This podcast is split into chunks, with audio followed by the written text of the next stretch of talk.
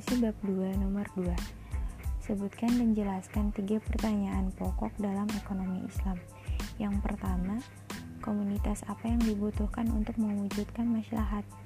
Ekonomi Islam akan memilih pemanfaatan sumber daya untuk berbagai komoditas yang benar-benar dibutuhkan untuk mencapai falah.